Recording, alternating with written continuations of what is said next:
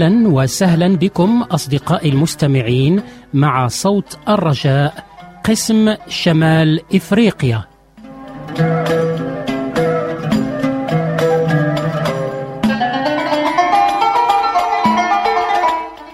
معكم وراء الميكروفون صديقكم كريم صلاح وأذكركم بأننا نقدم عنوان إذاعتنا خلال بث هذا البرنامج الذي سيدوم نصف ساعة تقريبا.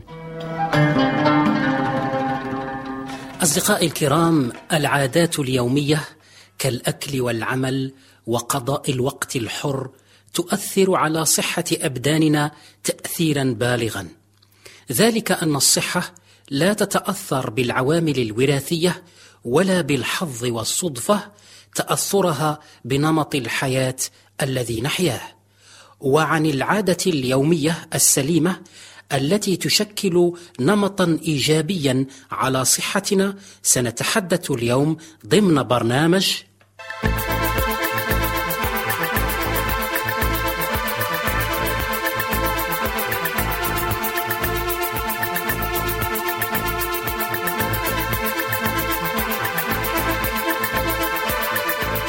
مجلة العلوم والصحة.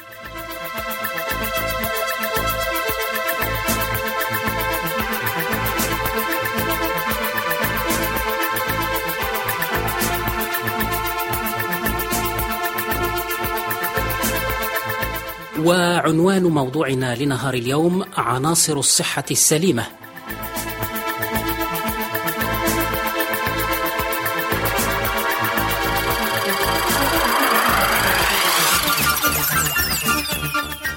يعتقد البعض أن الصحة الجيدة لها علاقة بالأكل دون سواه ويرى البعض الآخر أن الجسم القوي هو من فعل الحظ والصدفة. والتركيز على الأكل وحده يجعل البعض يعتقد في مجتمعاتنا العربية على الخصوص أن الشخص السمين لا بد وأنه يتمتع بصحة جيدة أكثر من سواه بل وتصبح البدانة في مراحلها الأولى مقياسا من مقاييس الجمال في اختيار شريكه الحياة. لكن الحقيقة غير ذلك في مجال الصحة فهنالك عوامل متعددة تتداخل فيما بينها لتشكل نمطا حياتيا يؤثر في الصحة.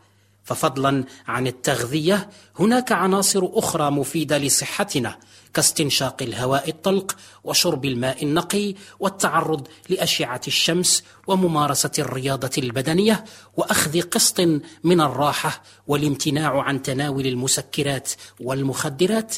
وأخيرا التفتح الذهني ونبدأ بأولى هذه العناصر المكونة لنمط حياتي سليم ألا وهو الطعام. لكن ما دام الطعام يعتبر حقا من العناصر الأكثر تاثيرا على صحتنا فإننا سنتعرض له في حلقات مقبلة من برامجنا مجلة العلوم والصحة وسوف نتعرض له بشكل مسهب. لكن لنعلم الآن على أننا نعني بالطعام ليس ما نأكل فقط بل كل العادات المتعلقة بالتغذية كطريقة تناول الطعام ومواعيد الوجبات إلى غير ذلك. أما العنصر الثاني والمؤثر على صحة أبداننا ونفوسنا أيضا هو الهواء فبدونه لا نستطيع العيش لأنه يحمل لنا الأكسجين اللازم للحصول على الطاقة التي تتولد عن احتراق المواد الغذائية داخل خلايا الجسم. لكنه لا يكفي التنفس الجيد والعميق وحده إذ لا بد أن يكون الهواء نقيا وأن تكون غرفة النوم بل البيت كله وكذا مكان العمل جيدي التهوية. والهواء النقي مع حسن التنفس شرطان لحسن عمل الدماغ. أما الماء فإن احتياجنا له يكون على شكلين ظاهر وباطن. أما الظاهر فهو ما ننظف به أجسامنا والباطن هو الماء الذي نروي به عطشنا. وينصح بتناول الماء النقي طيلة اليوم ابتداء من شرب كأس ماء غير بارد جدا مباشرة بعد الاستيقاظ لغسل المعدة. وعلى عكس ما هو شائع في بعض بلداننا بالمغرب العربي فإن الشاي لا يروي العطش بل إنه يسكنه لاحتوائه على مادة الشايين المخدرة. أما الليمونادة فهي خليط من المواد الكيماوية والسكر وتكون قد تكون مضرة بالصحة في حالة عدم خضوع تركيبها لمراقبة صحية وعلمية صارمة. ولذا يمكن القول أن الماء النقي يبقى الشراب المفضل صحيا على كل ما سواه من السوائل. فاشربوا منه مستمعي الكرام ما تشاءون إذ لا خوف عليكم من أي ضرر بل إنه رمز الصحة عينها. أما عن الماء الظاهر فهو كما قلنا الماء الذي نطهر به أبداننا بالمعنى الصحي للكلمة والاغتسال به علاج معروف منذ القدم. وعلينا أن نتعود على استعمال الصنبور أو آنية الماء مرات عديدة في اليوم لغسل اليدين بعد الخروج من المرحاض وقبل تناول الطعام ومباشرة بعد دخولنا من الخارج إلى بيوتنا. كما ينصح بالاغتسال قبل الخلود إلى النوم ليحصل الاسترخاء. عنصر آخر من العناصر المساعدة على توفر صحة جيدة وهو الشمس. نعم، الشمس التي هي مصدر الطاقة الرئيسي لكوكبنا، وضوءها حيوي لاستمرار الحياة وحفظ الصحة البدنية. فهي تمد الجسم بفيتامين دي وبفضل أشعتها فوق البنفسجية تتطهر الأشياء من جراثيم كثيرة فحيثما دخلت الشمس وجدت الصحة والحياة وحيثما انحجبت كان السقم والهزال.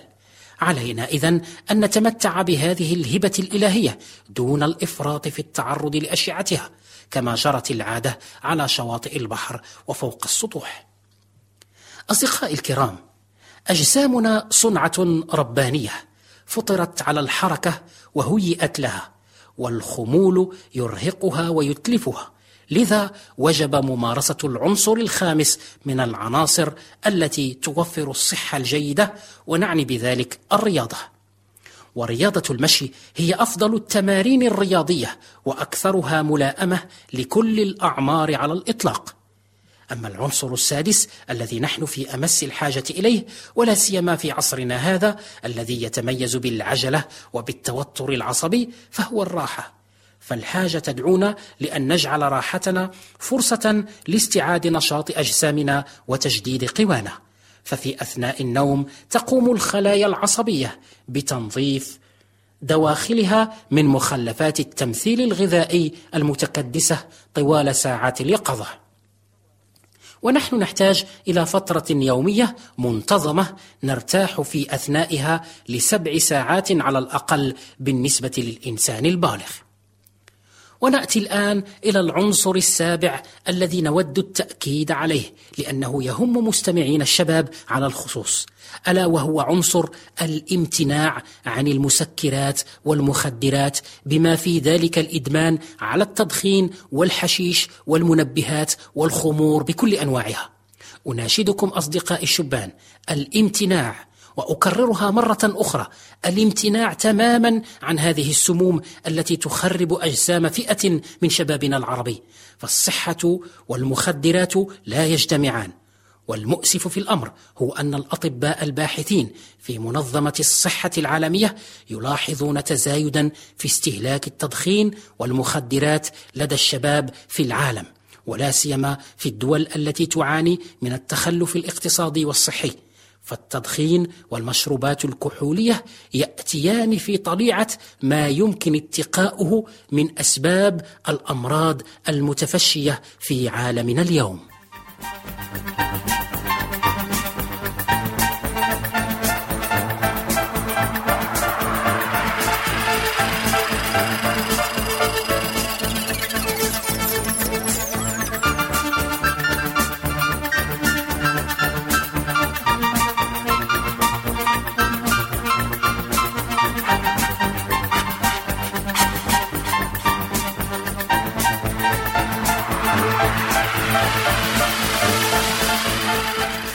عزيزي المستمع إذا أنت فعلا احترمت قواعد الصحة بعناصرها السبعة التي ذكرناها سابقا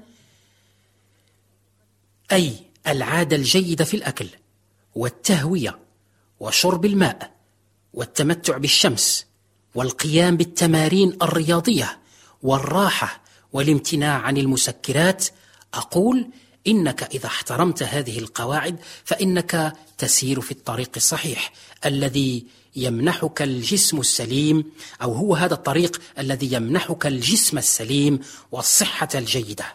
وعليك أن تكلل ذلك بعنصر آخر مهم لصحتنا النفسية والروحية ألا وهو عنصر التفتح الذهني.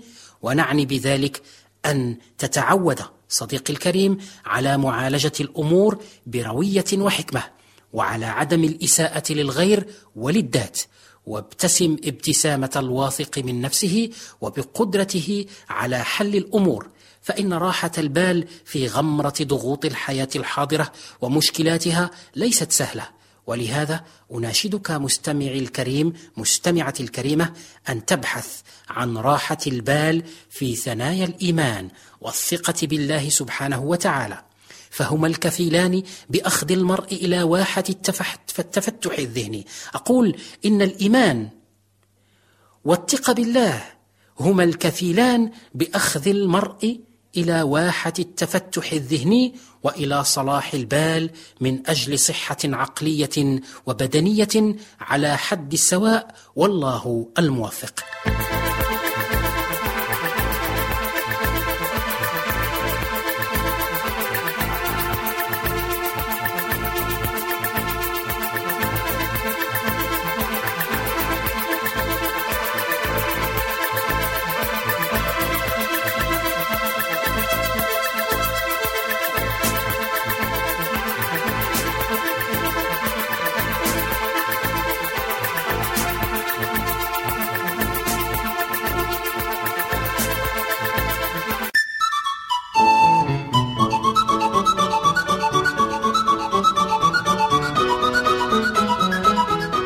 أحبائي المستمعين من أجل ربط العلاقة معنا والحصول على دروسنا ومطبوعاتنا أرجوكم أن تكاتبونني على عنواني البريدي وهو بالفرنسية كريم صلاح كاز بوستال 503 1211 جنيف 12 سويس.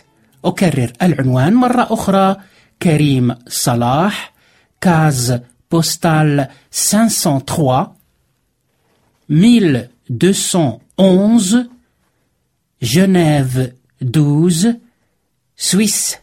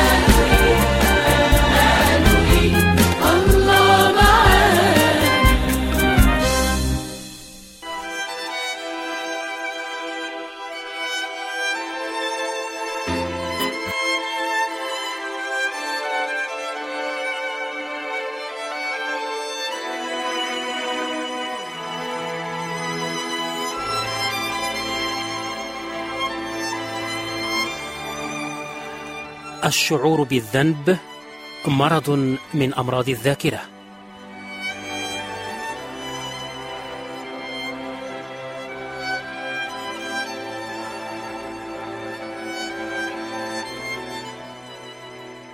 أخي الكريم إن الشعور بالذنب عقدة نفسية وروحية خطيرة وهي مرض من أمراض الذاكرة.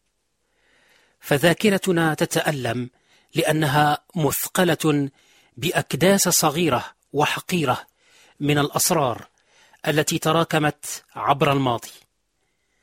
ذاكرتنا تجمعت فيها وتكدست كل أفكارنا وأحلامنا وآثار أعمالنا التي نندم عليها.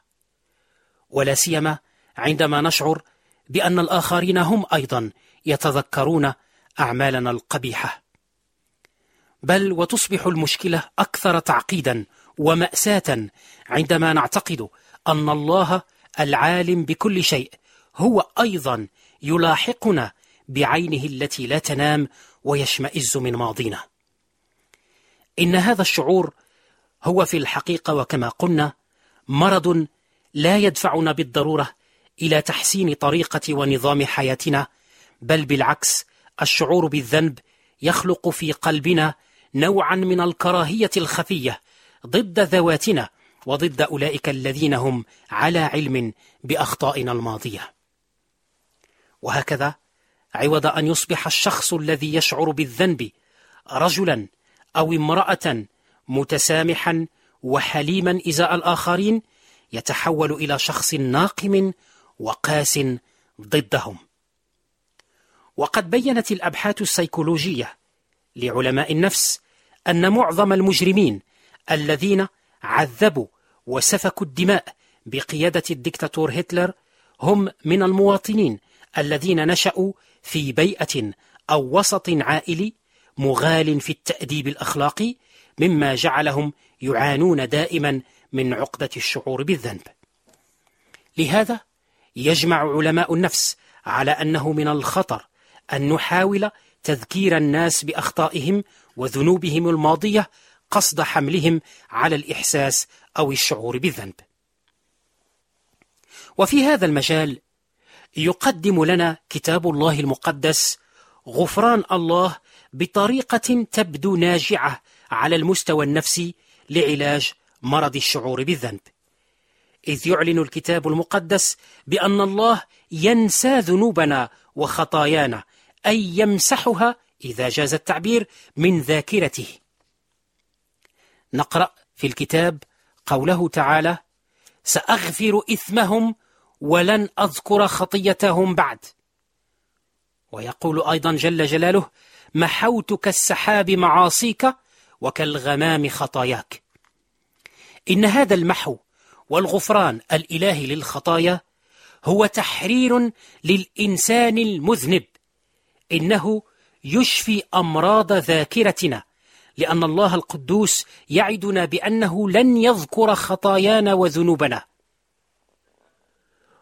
وعلينا أن نتحرر من الشعور بأنه تعالى يلاحقنا وينظر دائما إلى أخطائنا عندما نعترف بها أمامه. هكذا يمكننا أن نستعيد شعورنا بالأمان والسلام وننظر إلى ماضينا وجها لوجه دون خوف أو خجل. سأغفر إثمهم يقول تعالى ولن أذكر خطيئتهم من بعد. يا له من وعد عظيم. الآن يجب أن نشعر بالحرية والراحة والسلام.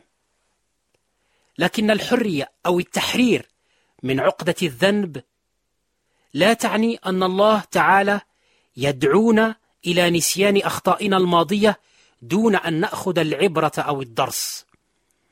فلكي يكون غفران الله مثمرا في حياتنا وذو فائدة تربوية وروحية يجب علينا اتباع الخطوات التالية. وهي أولا أن نعترف بأخطائنا. لأن الاعتراف ذو فائدة تربوية ثمينة فهو يعني التحول من مرحلة اجترار الماضي إلى اتخاذ موقف حازم. إذ اعترفنا بخطايانا يقول الإنجيل المقدس فإنه أي الله سبحانه وتعالى فإنه أمين بار يغفر لنا خطايانا ويطهرنا من كل إثم. الخطوة الثانية من أجل غفران مثمر هي أن نتعلم تحديد أسباب الخطأ. ما هو هذا الشيء الذي دخل فكري وحياتي لكي يعكر صفو العلاقة بيني وبين الله وأخي الإنسان؟ لأنه إذا عرفت مصدر الخطأ والذنب الذي ارتكبته فذلك يدفعني إلى مقت الشر وبالتالي مكافحته. الخطوة الثالثة والأخيرة وهي العمل على بدء حياة جديدة والثقة في وعود الله بأنه إذا كانت نيتنا صادقة وأعمالنا مطابقة لمشيئته تعالى فإنه سيساعدنا على تجاوز ماضينا الآثم وبناء مستقبل سعيد ومتمم لمشيئته تعالى.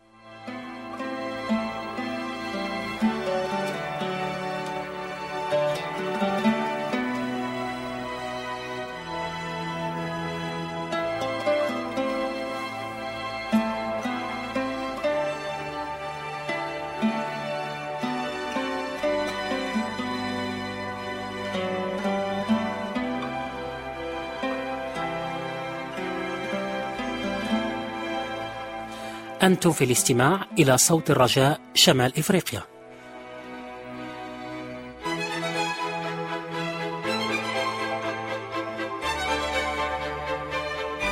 وأرجوكم أصدقائي الكرام بأن تعدوا قلما وورقة لتدوين عنوان برنامجنا الذي سأقدمه بعد بضع ثوان.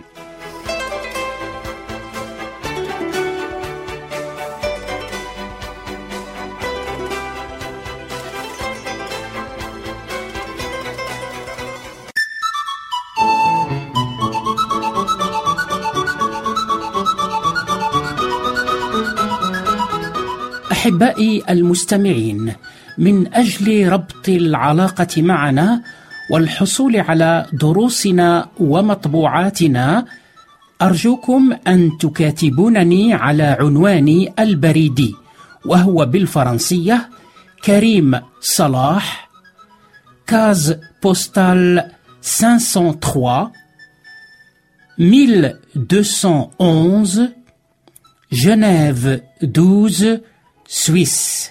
أكرر العنوان مرة أخرى كريم صلاح case postale 503 1211 جنيف 12 Suisse.